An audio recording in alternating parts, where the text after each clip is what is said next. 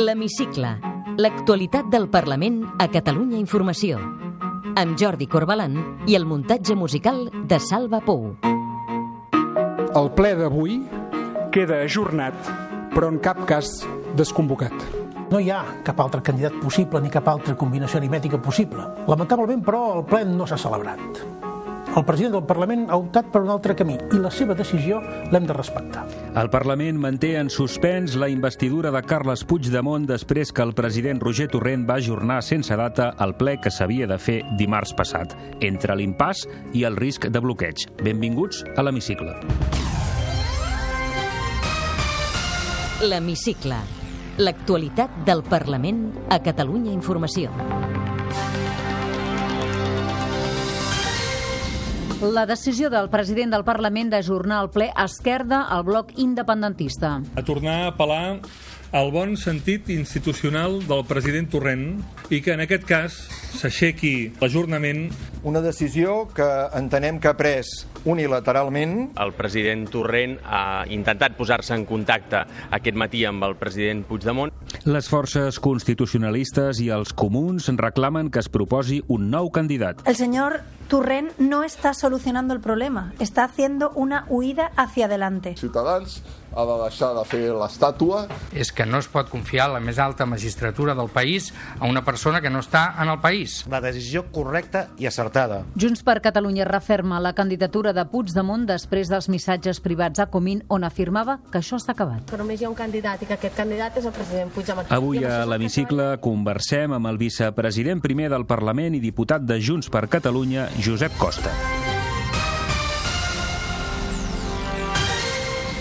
Dimarts a les 3 de la tarda estava convocat al ple per debatre i votar la investidura de Carles Puigdemont com a president de la Generalitat. El guió de la política catalana va fer, però, un altre gir imprevist. El president del Parlament, Roger Torrent, compareixia a primera hora del matí per anunciar que ajornava sine die el ple d'investidura per garantir que el candidat Puigdemont pugui fer el debat amb totes les garanties.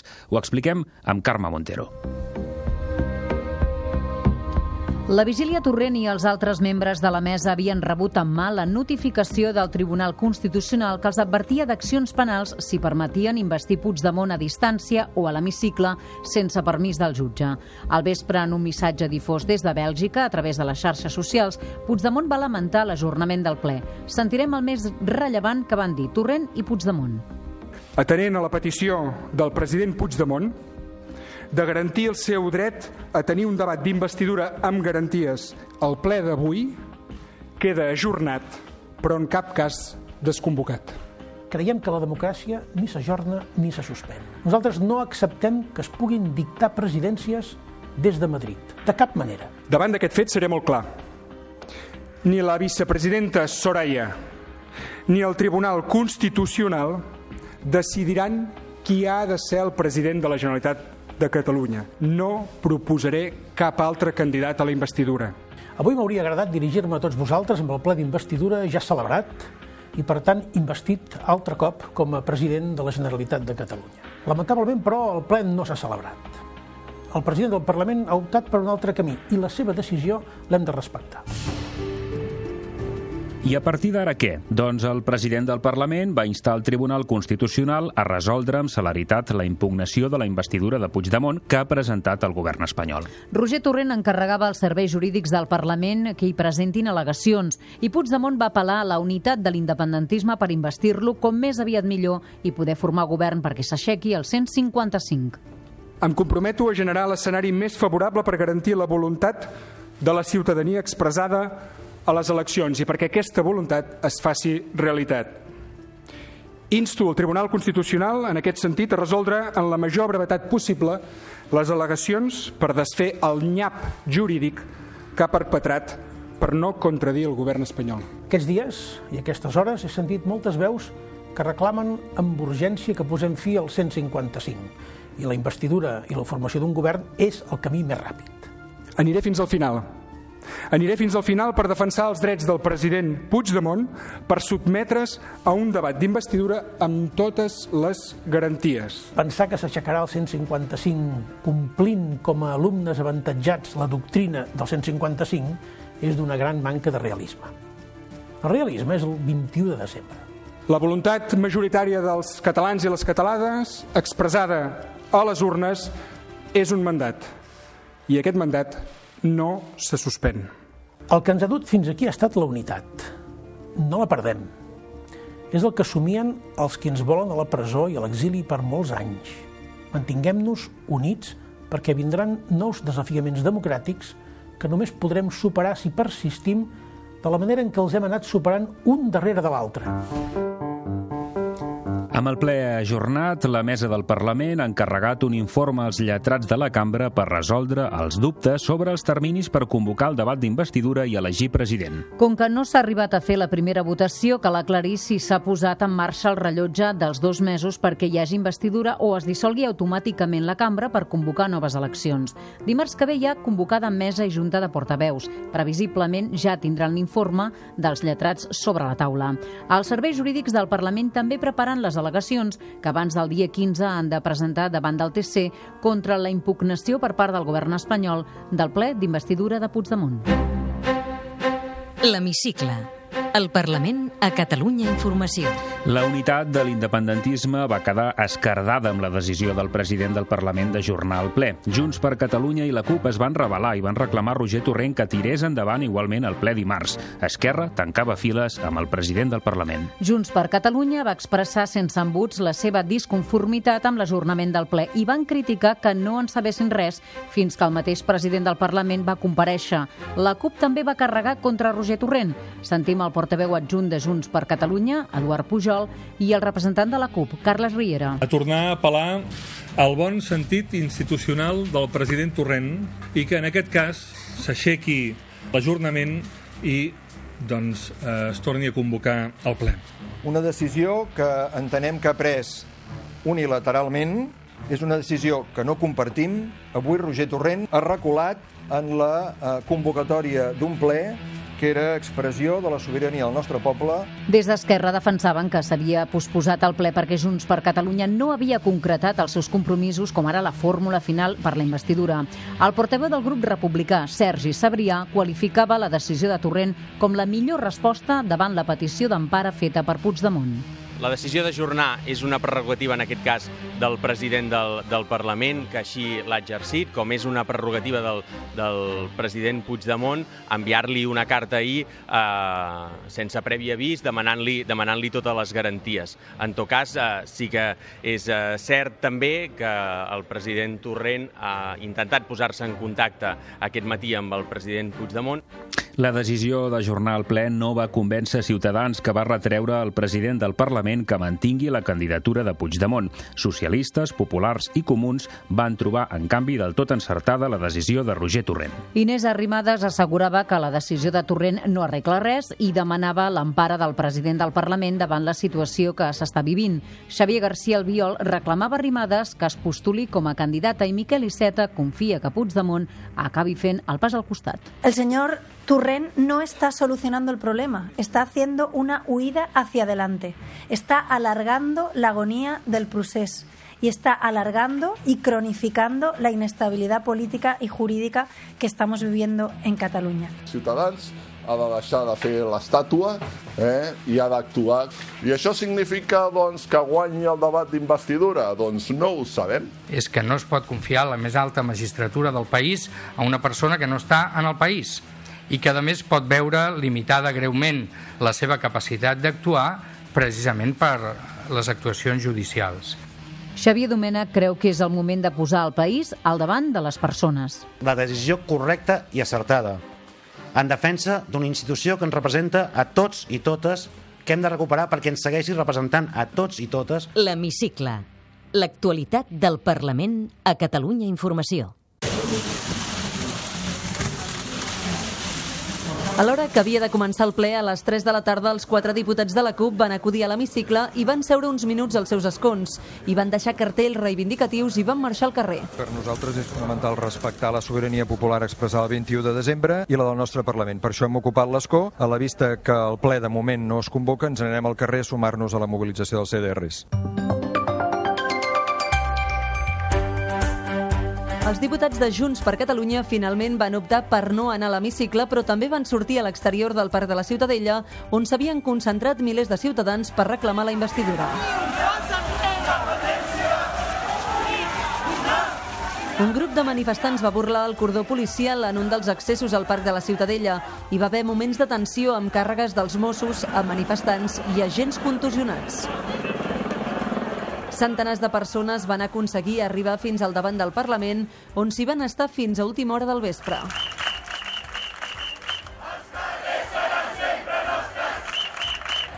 Els manifestants van escridassar els diputats de Ciutadans a la sortida, encapçalats per Inés Arrimadas, mentre encoratjaven els independentistes per investir Puigdemont. Si dimarts començàvem el dia amb la notícia de l'ajornament del ple, dimecres també a primera hora la política catalana vivia un altre terratrèmol. Aquesta vegada per la difusió d'uns missatges privats que Puigdemont havia enviat a Antoni Comín i que una càmera de Telecinco va aconseguir enregistrar del mòbil del diputat d'Esquerra mentre era en un acte. Puigdemont li deia això a Comín. Tornem a viure els últims dies de la Catalunya republicana. El Pla Moncloa triomfa. Només espero que sigui veritat que gràcies a això puguin sortir de la presó tots, perquè si no, el ridícul històric és històric. Suposo que tens clar que això s'ha acabat. Els nostres ens han sacrificat, almenys a mi. Vosaltres sereu consellers, espero i desitjo, però jo ja estic sacrificat, tal com suggeria Tardà. No sé el que em queda de vida, espero que molta, però la dedicaré a posar en ordre aquests dos anys i a protegir la meva reputació. M'han fet molt de mal, amb calúmnies, rumors, mentides, que he aguantat per un objectiu comú.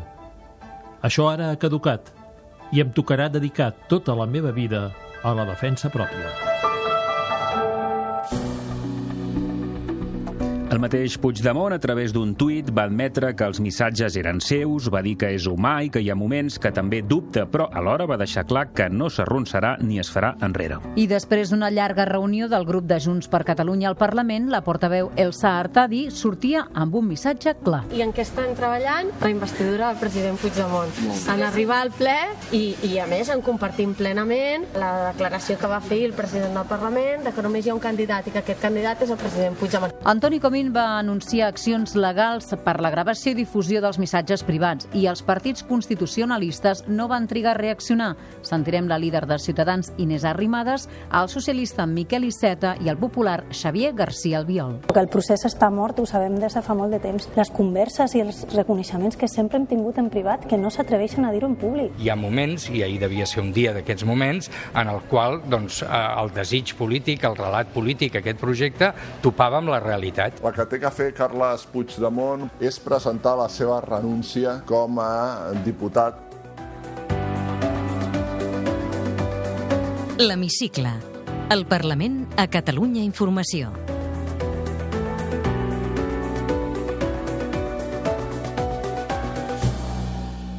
I Josep Costa, vicepresident primer del Parlament i diputat de Junts per Catalunya, gràcies per acompanyar-nos a l'hemicicle. Gràcies per convidar-me. Bé, quan creu que es donaran les condicions perquè es celebri el ple d'investidura? Bé, nosaltres eh, vàrem dir que es donaven les eh, condicions per fer-lo aquest dimarts a dia 30, tal com estava convocat. Bàsicament, les condicions són que hi ha 68 diputats presencialment disponibles per votar i que tenim un candidat que té un programa i que té un, un acord eh, amb una, per fer aquesta majoria. Per tant, eh, aquestes són les úniques garanties que necessita una majoria parlamentària i eh, el, el seu programa de govern i la sol·licitud de confiança que ha formulat ja, o que formularà, diguéssim, en el moment que es faci el, el ple davant la cambra. Per tant, aquestes garanties no haurien de venir tant de fora com sinó de dintre el mateix Parlament, de les relacions entre els grups eh, polítics. Bé, um, en un estat de dret en què hi ha separació de poders, els parlaments són autònoms i no, necessit no necessiten que cap uh, institució externa, menys un tribunal, li garanteixi el seu funcionament. Tot el contrari, el que es necessita és que no interfereixin en el seu funcionament.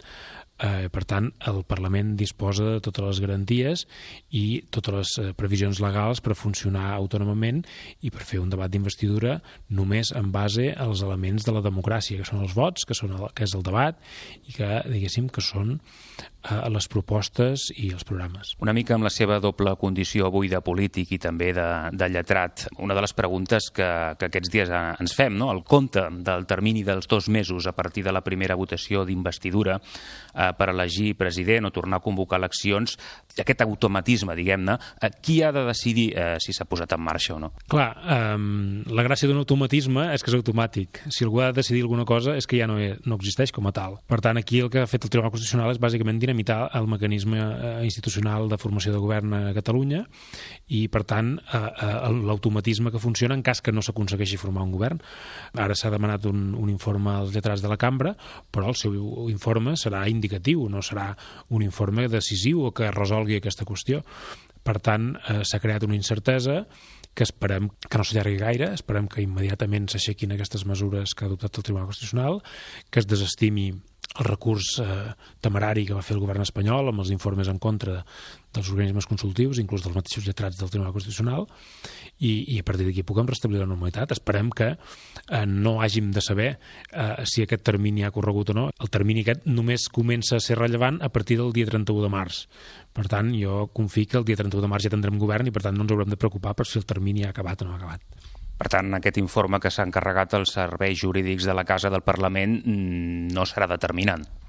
No, perquè en realitat, eh, com a tal automatisme que és eh, eh, aquest termini de dos mesos, eh, no hi ha ningú que tingui autoritat per decidir si s'aplica o no. En teoria s'aplica sempre i, i de forma automàtica, sense que ningú ho decideixi, perquè després, eh, clar, es podria donar que interessos polítics d'aquí o d'allà puguin eh, eh, eh, decidir que si s'han de fer o no s'han de fer eleccions. Justament el que vol la llei, el que vol l'Estatut, és que ningú hagi de decidir, que ningú tingui el poder per decidir si s'han de fer eleccions o no.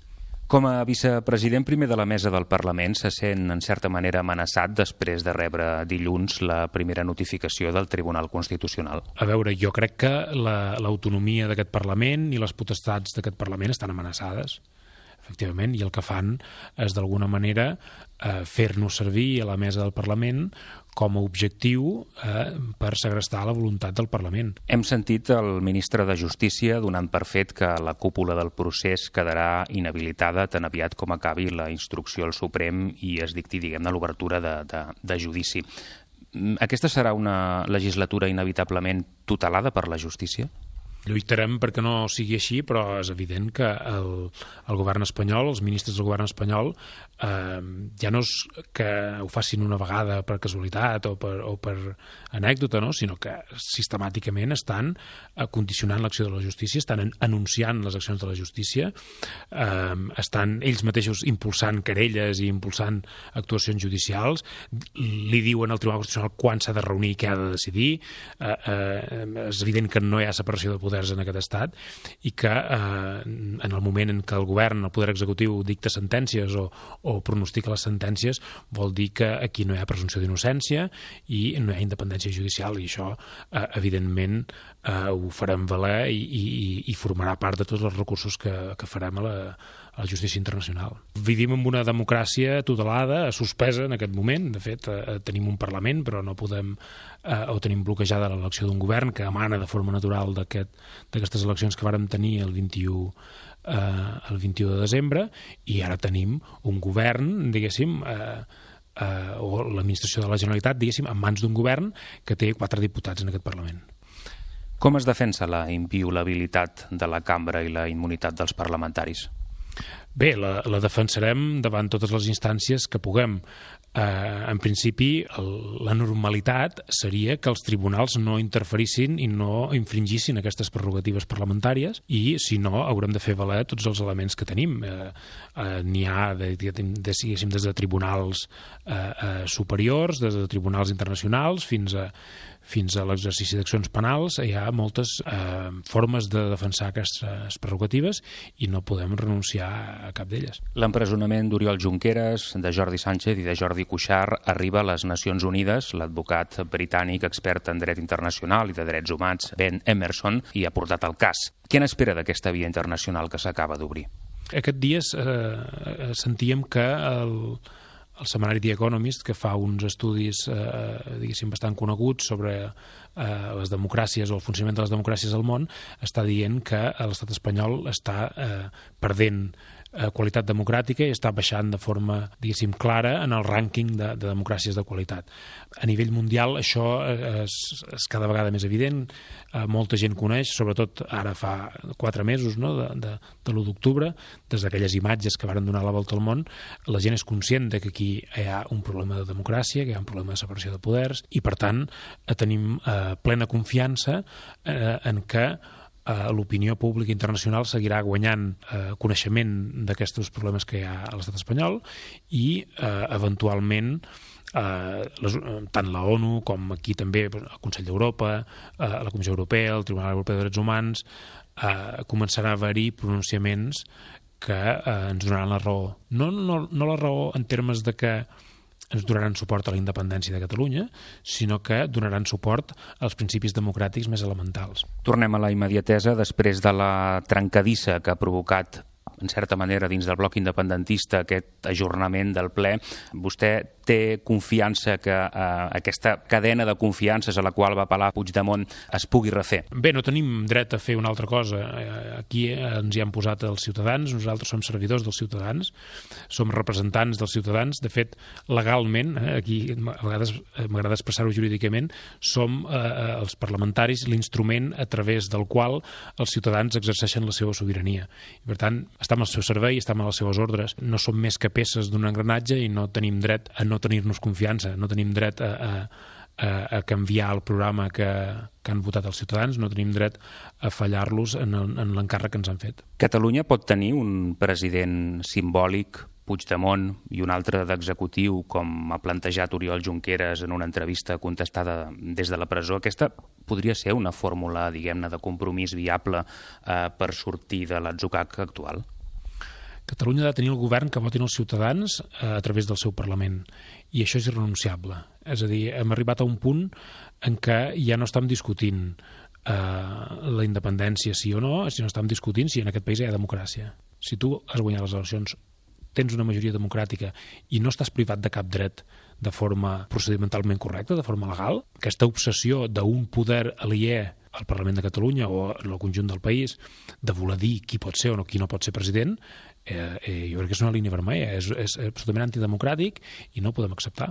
I, per tant, el president de la Generalitat ha de ser qui decideixi el Parlament i no hi ha més limitacions que aquestes. Josep Costa, vicepresident primer del Parlament, diputat de Junts per Catalunya, li agraïm que ens hagi acompanyat a l'hemicicle i li desitgem molt encert en aquesta dotzena legislatura a la mesa del Parlament. Moltes gràcies. Podeu tornar a escoltar l'Hemicicle al web catradio.cat barra hemicicle i seguir l'actualitat del Parlament a través del Twitter a arroba hemicicle i arroba cati guió baix política.